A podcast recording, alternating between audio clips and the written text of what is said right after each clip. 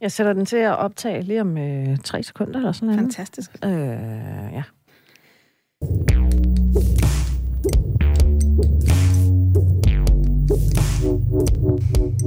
Nå, Daisy, jeg synes, øh, jeg føler for, at vi skal lægge programmet ned, hvor vi havde besøg af Martin Østergaard, hvor det handlede om en henvendelse, der lød på, min mand lægger ikke op til sex. Ja. Fordi du har jo øh, så lavet en lille, kan man kalde det en spørgerunde? Ja, det kan man da. Mm. ja, så jeg lavede en spørgerunde på Insta, og det var super fedt, hvis du vil være med fremover, så bruger du bare hashtagget vi har lyst, så finder du os. Men der spurgte jeg en, og jeg ved jo godt, at det her ikke er videnskab, og det er bare et lille udpluk, så tag det som nogle flere stemmer.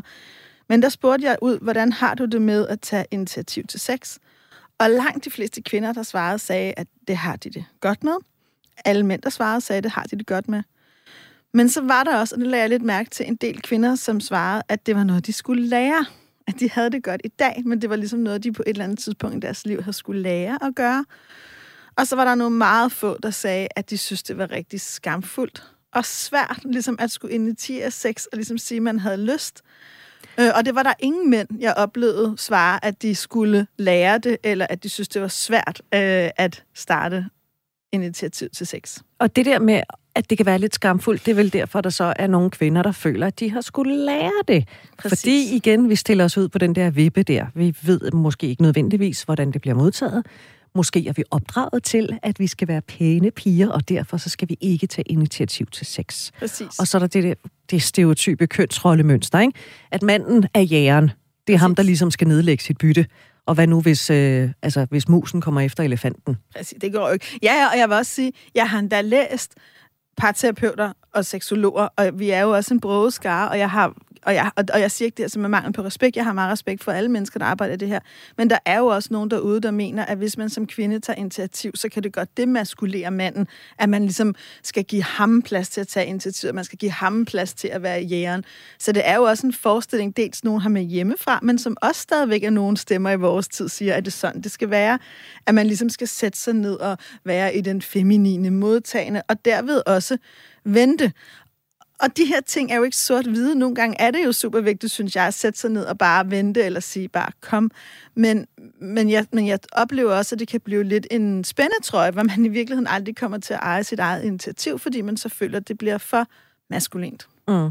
Og så kan man også risikere, at man i virkeligheden kommer ud i det der lidt dumme spil, som, øh, som lytteren havde skrevet om med, at så sætter man sig ned og venter på, at den anden tager initiativ, der så heller ikke tager initiativ, og så ender man lidt i ingenmandsland. Og hvordan Præcis. kommer man tilbage derfra, for der går hverken bus eller tog? Det gør der nemlig ikke. Det gør der nemlig ikke. Og der jeg vil også sige, jeg har mødt mange mænd, der i mit samtalerum siger, når jeg har en parsamtale, ved du hvad, jeg savner også, at du viser, at du har lyst til mig. Jeg har også brug for at føle mig begæret og vildet. Det er en god note. Hvad nu, når man kigger på, altså nu er der jo flest kvinder, der svarer dig, øh, når, ja. du, når du laver de her spørgerunder. Ja. Øh, mandens initiativ, altså tager din mand mere initiativ? Der er jo næsten 6 ud af 10, der siger ja. Ja, det, det er, og det er jo lidt sjovt, ikke? fordi at kvinderne skriver, at de har det godt med det, men reelt er det mest manden, der tager initiativ. Og det er også, hvis jeg skulle være sådan helt generaliserende, så er det også det, jeg oplever som det mest typiske mønster. Det er, at langt de fleste det kan godt være, at de siger, at de har det godt med at tage initiativ, men rigtig mange kvinder er gode til at vente på, at manden tager det. Ikke? Og det du ser lidt, helt træt ud i øjnene. Ja, ja, det er lidt ligesom, at langt de fleste forventer også, at, altså, at det er manden, der er bedst til økonomi, og det er manden, der sørger for bilen. Og, altså, der er jo nogle kønsrollemønstre, vi er i. Lidt ligesom, at jeg, jeg har, at jeg jo altid, den jeg har altid undret mig over, jeg er gift med min mand, vi har fælles børn, og alligevel får jeg altid de der henvendelser om, at nu skal de på tur, og børnene skal til tandlægen, fordi det er jo et kvindejob, ikke? Altså. ja. Så, så der er jo helt klart også noget i det seksuelle rum, der er der stadigvæk den her fortælling om, at det er manden, der vil mest, og det er ham, der tager initiativet. Og hvis man nu har det godt på den måde, så skal man jo bare bibeholde det. Så skal man bare nyde det. Ja. Og hvis man nu er kvinde og ikke ved, om man må tage initiativet, så kan man jo Øve sig. Spørge. ja, netop. God point. Så kan man spørge, jeg har lært noget, ja, kan du mærke det? det kan jeg godt mærke. ja, så kan man spørge, hvordan har du det egentlig med, at jeg tager initiativ, eller hvad sker der over i dig, når jeg tager initiativ? Og så kan det være, at man får et godt svar. Måske ønsker ens partner det også. Måske er man også sammen med en mand, der virkelig vil nyde at få at vide, jeg har lyst, og nu skal du høre, hvordan det skal være. Jamen, man, man kan jo bare, altså, jeg er ikke så forfinet ud i den slags, så man kan jo også bare spørge, hvad vil du sige til, hvis jeg sagde, at jeg har vildt meget lyst til at knalde dig lige nu?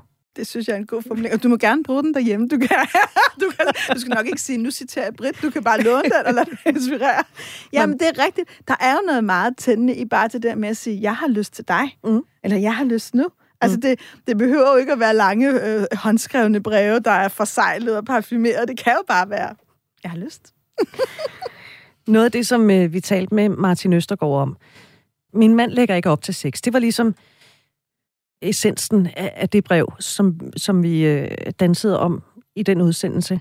Ja. Og kan man overhovedet tale om sex, uden at der er nogen, der føler sig bebrejdet? Det var jo noget, både du og jeg faldt over, hvor Martin Østergaard sagde, nej, han ville som mand måske i virkeligheden føle sig lidt bebrejdet, hvis man kom og så sagde, hvorfor tager du ikke mere initiativ? Ja, og der er også et eller andet med den sætning, og det var også noget, det meget Martin talte om, fordi så bliver det bebrejdende, hvorfor gør du ikke det? Men, men vi var også lidt inde på, også Martin, kan man overhovedet lige meget, hvor fint man prøver på at formulere det, overhovedet have den samtale, uden manden føler sig bebrejdet. Og det fik mig til at tænke i min egen historie. Min mand har virkelig følt sig meget bebrejdet af mig. altså, det er selvfølgelig ikke sådan super fedt om det, men det er til vældig, vældig, vældig, vældig sandt. Øh, jeg tror, at i mange år vores parforhold har han følt sig bebrejdet, og det gør han stadigvæk en gang imellem. Og jeg har omvendt følt, at jeg nogle gange ikke kunne sige noget, uden at han følte sig bebrejdet. At det var næsten lige meget, hvad jeg gerne ville tale om. Så, så, så røg det ind i sådan en eller anden mm, automatreaktion. Så man kan sige, at vi har som par og det her forskerne kommer, det var, i stedet for at gøre det til en mig mod ham ting, eller hvem har ret, så på et tidspunkt arbejdede vi meget med at sige, okay, mellem os sker der det her lige nu, at jeg vil gerne sige noget, og du kommer hjem til at føle dig bebrejdet, og det kan selvfølgelig også gå den anden vej. Hvad er det egentlig, der sker? Og så i virkeligheden prøve at blive bevidst om, her er der et mønster, og hvordan kan vi egentlig bryde det? Det er sådan den ene vej, man kan gå. Og så sige, okay, men behøver, kan vi ikke lave sådan en kort? sådan, okay, nu siger jeg det her, så føler du dig bebrejdet, ha, ha, ha, så griner vi om det, og så taler vi ligesom om det. Ikke? Jamen altså, du er sådan en lidt, alting behøver man, bare fordi man har en følelse, behøver man jo ikke at svømme rundt i den.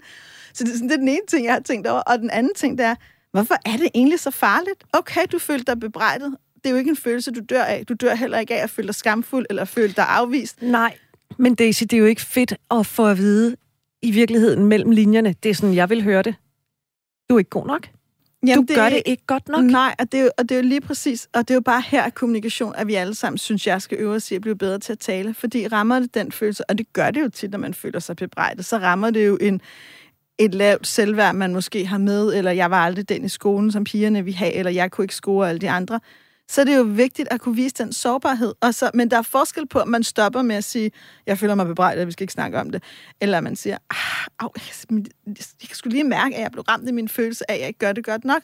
For så kan man også sige, mm, det, det gør du, og jeg elsker dig, og jeg ved dig, og jeg synes, alle de her ting er enormt dejligt. Jamen, hvorfor siger du det så? I, fordi at jeg mener det her også. Og jeg tror, at hvis man kan komme derhen, hvor man som mennesker kan have et og også. Jeg, jeg, jeg elsker dig for det her, og synes, det her det er pisseirriterende. Altså lidt ligesom jeg ved for eksempel, at min mand siger om mig, jeg elsker, at du er så passioneret, og jeg hader, at du er så pisse hissig.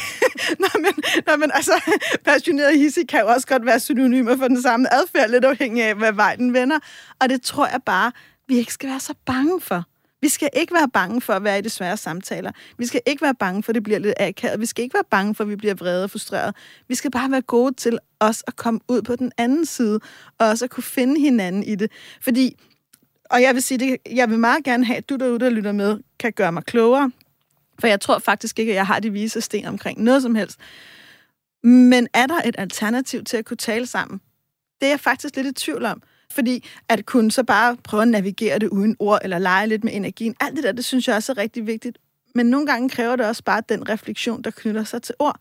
Men jeg vil super gerne høre fra dig, der også har oplevet det her med, at partneren føler sig bebrejdet, som kom igennem det. Hvordan kom I igennem det, så vi kan inspirere hinanden? Vi vil meget gerne trække på de gode erfaringer. Løsnabelag radio4.dk. Jeg ser ikke mig selv som et specielt konfliktskyt menneske. Øh, jo, nogle situationer er jeg, andre situationer, der er ret ligeglad, eller ikke lidt, men der har jeg ikke noget mod. Ja. Men jeg kan mærke, at de, jeg kan godt fornemme på dig, Daisy Løvendal, at min model i det her scenarie med at stikke øh, hovedet i busken og forvente, at problemet går væk af sig selv, den er ikke gangbar. Nej. Fedt nok. nej, det, nej, det var også det med hende kvinde for brevet. Hun fik jo i virkeligheden, ved ikke at gå ind i det, hun følte, gjort det værre, fordi hun ventede, og hun ventede, og hun ventede, til hun var så frustreret. Og så skrev hun til os, og tak for det. Og jeg håber faktisk også, at nogle af jer, der oplever nogle af de her ting, lytter til de her programmer sammen, og så bruger os til at tale om jer. Endelig. Og så skriv til os. Vi ja. lover, at du forbliver anonym lyst radio4.dk. Hvad er dine erfaringer? Hvad, øh, hvad har du lyst til at berige os med, som har fungeret godt i dit liv? Eller hvad kunne du godt tænke dig at få øh, et par ord med på vejen om? at, hvordan du skal håndtere. Lyst radio4.dk, og skal vi så sige, at vi har lyst igen lige om lidt, om nogle få dage? Det har vi nemlig.